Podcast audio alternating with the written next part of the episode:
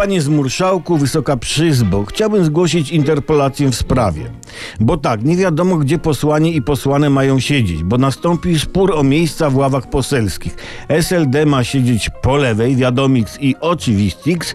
Propozycję, żeby Konfederacja siedziała z tyłu, Konfederacja odrzuciła, bo nie będą jako jedyni siedzieć z tyłu. Poza tym w Izbie jest 11 rzędów, licząc od dołu do góry i odwrotnie a ich jest 11, więc mogą siedzieć wzdłuż. Z prawej ma siedzieć PiS.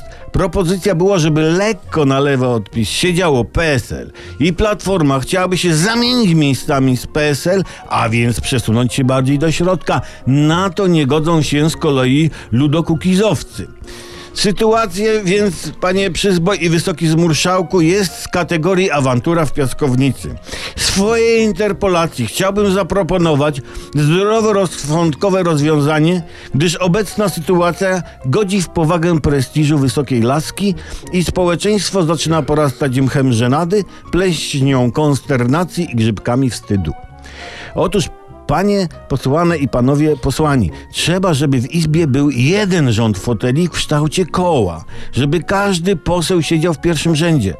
Dodatkowo należy zamontować w Sejmie obrotową, okrągłą platformę, tak aby każda posłana i każdy posłany był przez jakiś czas frontem domównicy i laski pana Zmurszałka.